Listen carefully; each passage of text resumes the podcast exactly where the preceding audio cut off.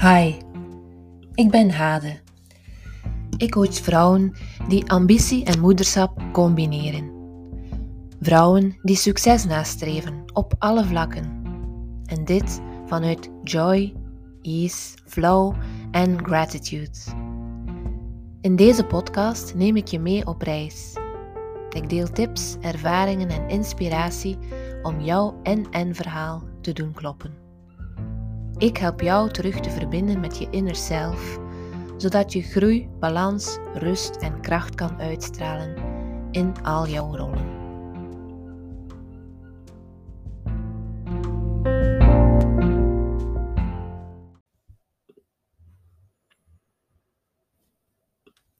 Ambitie en moederschap, hoe zit dat nou? In onze maatschappij wordt er naar mijn gevoel heel veel druk gelegd op vrouwen die ook moeder zijn.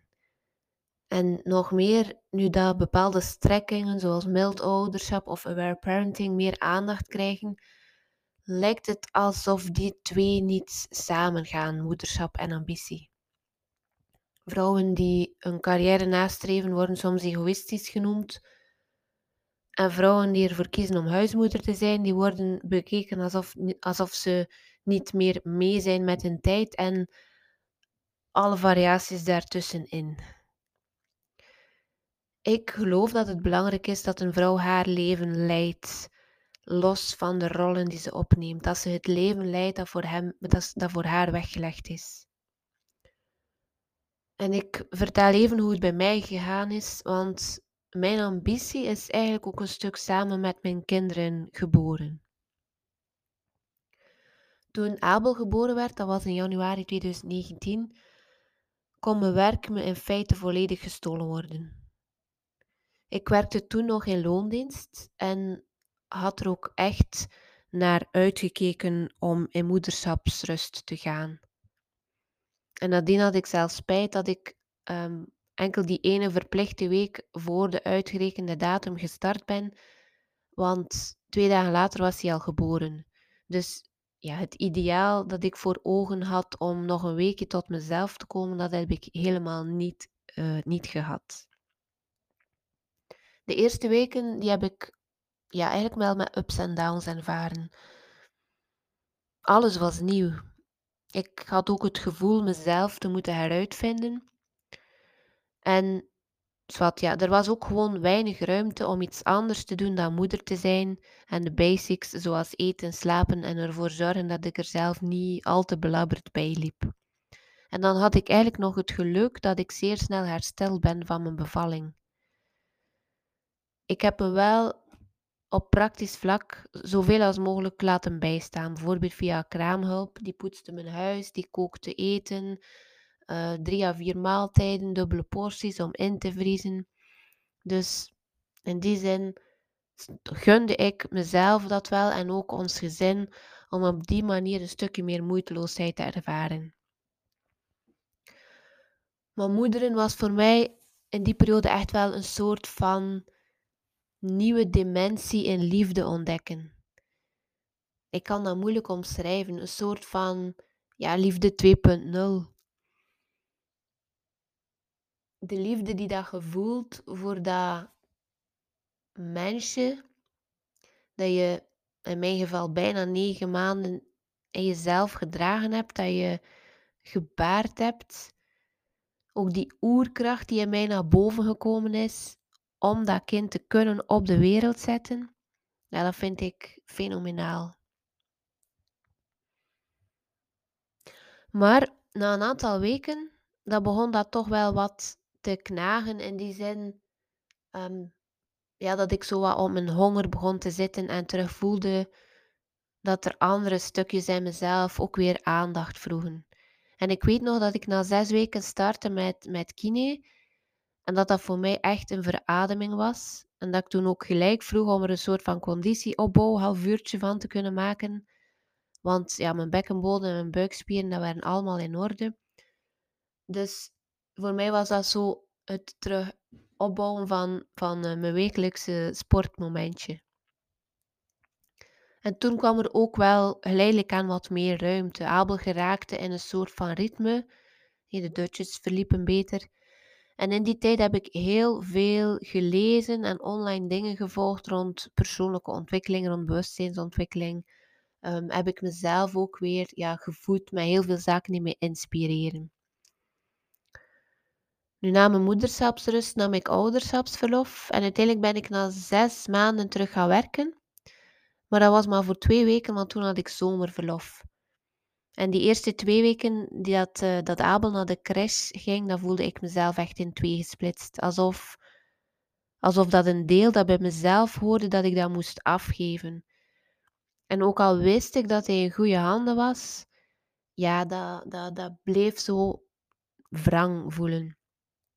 En het is eigenlijk pas nu, sinds een aantal maanden, en Abel wordt er nu bijna drie, dat ik het gemakkelijker begin te vinden om buitenshuis opvang te voorzien voor Abel. Dus om ook eens aan familie te vragen van, mag Abel een dagje bij jou komen? Dus dat, dat, stuk, um, ja, dat stuk loslaten, dat is toch iets wat dat bij mij tijd nodig gehad heeft. Nu, wat er voor mij wel veranderd was toen ik terug naar mijn werk ging, dus na zes maanden, was dat ik andere dingen belangrijk vond. Precies alsof dat mijn waarden ehm, door elkaar geschud werden en mijn behoeften door elkaar geschud werden en dat die prioriteiten helemaal anders zich allee, tot elkaar verhouden. Ik had bijvoorbeeld helemaal niet meer de behoefte om overuren te gaan doen en wou eigenlijk om, om 17 uur zo snel als mogelijk mijn kind gaan afhalen in de crash. Ook in het weekend kon ik dat werk beter loslaten en had ik minder de neiging om zo tussendoor een mailtje te, checken um, of, of nog iets in te halen. Ik weet nog dat ik toen echt het gevoel had van, kijk, binnen mijn werkuren kunnen van mij ja, 100% mijn inzet verwachten, maar daarna, daarbuiten heb ik, heb ik niet meer die behoefte om dat verder te zetten. Daarbuiten ben ik um, moeder, wil ik gezinstijd, wil ik tijd voor mezelf. En ik ben zwanger geworden van Astor op het moment dat ja, thuiswerk het nieuwe normaal werd. Um, begin 2020. En ik genoot daar ook enorm van. Uh, van ja, thuis te kunnen werken, van niet meer naar kantoor te moeten. Ik voelde ook belangrijk dat een omgeving voor mij was ook om, om met rust en met focus te kunnen werken. Een omgeving die voor mij klopte. En hierboven ja, hebben we een heel fijn bureau. En daar werd er wel een zaadje geplant. Dat was iets waarvan ik voelde, daar wil ik meer van. En op het moment dat er dan vanuit het bedrijf uit werd gevraagd om toch wel meer, meer op kantoor aanwezig te zijn, heb ik toen echt wel met die behoefte uitgesproken en zijn we daar in dialoog gegaan. Is er daar een balans um, ontstaan van uh, thuiswerk versus op kantoor aanwezig zijn, die daar voor beide partijen klopte. Um, maar ja, er is er echt een zaadje geplant, een stukje verlangen om mijn werk te kunnen afstemmen op mijn leven en niet andersom. En die vrijheid hebben, die flexibiliteit hebben. Um, een bewuste keuze ook van mij om veel bij mijn kids aanwezig te zijn, om, om lang borstvoeding te geven het verlangen om, om, ervoor, om, om ervoor te kunnen zorgen, bijvoorbeeld als ze ziek waren, dat, dat heeft mij doen nadenken van, is dit nog wel kloppend voor mij? Past dit bij um, de behoeftes die ik heb? En het is iets wat ik ook bij mijn klanten herken. Ze zijn, ja, net als ik, super dankbaar om mama te mogen zijn. En ze staan ook heel bewust daarin, in die ouderrol. Ze willen daar echt het beste van zichzelf in geven. En tegelijk voelen ze dat er een stukje in henzelf niet leeft als ze te veel moederen en te weinig die, die purpose, die missie in de wereld kunnen zetten.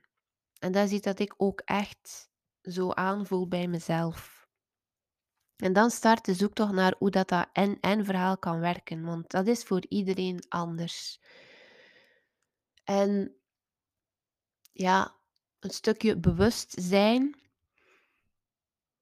dat is voor mij een heel belangrijk fundament. Dat gaat over bewust gaan voelen je bewust zijn ook van je waarden en je behoeftes en bewust gaan kiezen welke prioriteiten stel ik daarin. En dat is ook iets wat ik meegeef met mijn klanten en waarvan ik voel dat er daar zo echt een soort van rust kan in ontstaan. Van, ah, oké, op die manier en het kan zo. Dus dat, dat, is, dat is heel mooi om te gaan zien. En er zijn twee dingen die mij er ook echt verder in helpen. En het eerste is, laat jouw rollen dynamisch zijn. We, hebben, we, zijn, we zijn moeder, we zijn vrouw van of partner van. We zijn ook zus, dochter, vriendin, we zijn collega, we zijn zaakvoerster. Um, we hebben heel veel rollen te vervullen. En soms is er ergens een soort van valkuil om, om je vast te pinnen op de balans moet zus of zo zijn. Maar je mag jezelf toestaan dat, dat die rollen dat die in beweging zijn, dat dat dynamisch is. Het ene moment um, ben je meer moeder en het andere moment ga je ten volle voor je zaak. Het ene weekend kiezen jullie er als koppel bewust voor om we-time in te lassen en de kinderen um, buitenshuis te laten bij iemand. En het andere weekend voel je, nee, nu zijn we gewoon te volle mama en papa of mama en mama.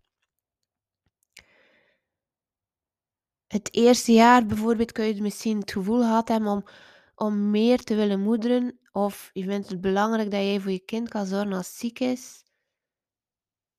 Maar als je kindje ouder wordt, peuter, kleuter, lagere school, dan kan je dat misschien al, al beter ehm, loslaten of, of makkelijker de zorg bij een ander gaan leggen. Ook we-time, dat mag dynamisch zijn. Of ook als je, als je het ene, het ene weekend kun je misschien echt er bewust voor kiezen, geen plannen in de agenda. We zijn gewoon een weekend thuis en we moeten juist niks. Het andere weekend kun je er misschien plezier in vinden om familie te gaan bezoeken en dan weer die rol van zus, van dochter, van vriendin te gaan invullen. Dat is allemaal oké. Dus ik, wat ik heel graag wil meegeven als tip is om jezelf die flexibiliteit en die dynamiek te gaan gunnen in, in die rollen. Daar mag beweging in zitten. Dat de balans mag het ene moment doorhellen naar je moederrol en het andere moment doorhellen naar um, ja, je, je, vrouw zijn of je, je ondernemerschap. En dan alles wat er daar nog bij komt kijken van andere rollen. Dat mag flexibel zijn, daar mag dynamiek in zijn, daar, daar mag beweging in zitten. Volgens wat dat er op dat moment klopt, volgens wat dat er op dat moment uh, nodig is. En een tweede die ik wil graag meegeven is een quote van Carl Jung. Die helpt mij enorm op momenten dat ik al eens het schuldgevoel zou vervallen dat ik te weinig mama ben of te veel uh, ja, voor mijn zaak wil gaan. En die quote is: De zwaarste last op de schouders van een kind is het niet geleefde leven van een moeder.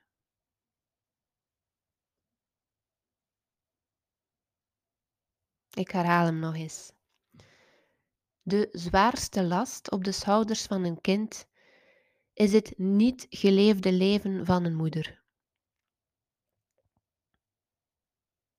Ik ben benieuwd wat dat die quote je doet, want toen, toen ik hem voor het eerst tegenkwam, vond ik die enorm beklijvend. Want wat er daarin gezegd wordt, omvat ja, in weinig woorden wat ik voel en ook ervaar. Want onze kinderen, die willen eigenlijk, net zoals wij het liefste zouden willen dat zij gelukkig zijn, zij willen eigenlijk hetzelfde voor ons. En ze zijn energetisch zo verbonden met ons dat ze ons ook spiegelen wat we hiervoor te doen hebben om ons leven ten volle te gaan leiden. En vanuit de Present Child methodiek gaan we er dus vanuit dat onze kinderen die stukken in onszelf gaan spiegelen, gaan teruggeven, onze blinde vlekken, stukken die niet geliefd zijn of die niet geleefd zijn, met de uitnodiging om die te gaan liefhebben, die te gaan leven, die te gaan beleven. En dat doen ze via hun gedrag. Maar daarover ga ik nu niet uitweiden. Daar, daar valt, dat is dus genoeg um, stof voor een aparte aflevering. Maar een kind heeft er dus niets aan dat jij jezelf wegcijfert achter jouw moederrol als dat jouw pad niet is. En ik zeg het er specifiek ook bij, want voor sommige vrouwen is dat net wel hun pad en dat is helemaal oké. Mijn boodschap is in feite dat een moeder niet per se gelukkig is als haar kind dat is, maar eerder andersom. Dus als jij voelt dat er een stuk drive, een stuk vuur, een stuk ambitie in jou zit, en gezien je deze podcast luistert, vermoed ik dat dat ook zo zal zijn. Weet dan dat je dat ten volle mag omarmen en gaan beleven, gaan leven, gaan in het leven zetten. En dan gaat het over bewust gaan kiezen. Prioriteiten stellen vanuit wat er voor jou belangrijk is. En tegelijk gaan afstemmen met je kind, met je gezin. In dat en-en verhaal, hoe kan dat voor jou gaan kloppen? Ik herhaal hem nog eens. De zwaarste last op de schouders van een kind is het niet geleefde leven van een moeder. Dus sta jezelf maar toe om ten volle te leven, met alles erop en eraan, en vertrouw erop dat als je op een bewuste manier jezelf toestaat om om te gaan met je waarden en je behoeften, om te gaan voelen wat heb ik nodig, wat klopt er voor mij, dat die puzzel op zijn plek gaat vallen.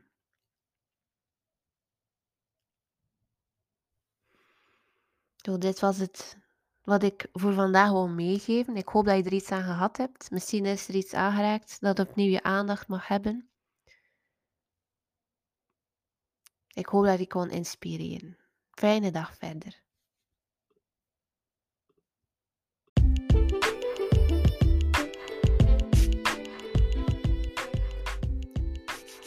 Wil je graag iets kwijt over deze aflevering? Laat het me dan gerust weten via een berichtje op Instagram Moest je me daar nog niet volgen, je kan me vinden onder hade underscore calls.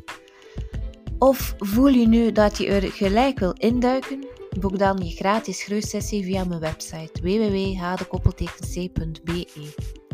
Heel graag tot een volgende aflevering.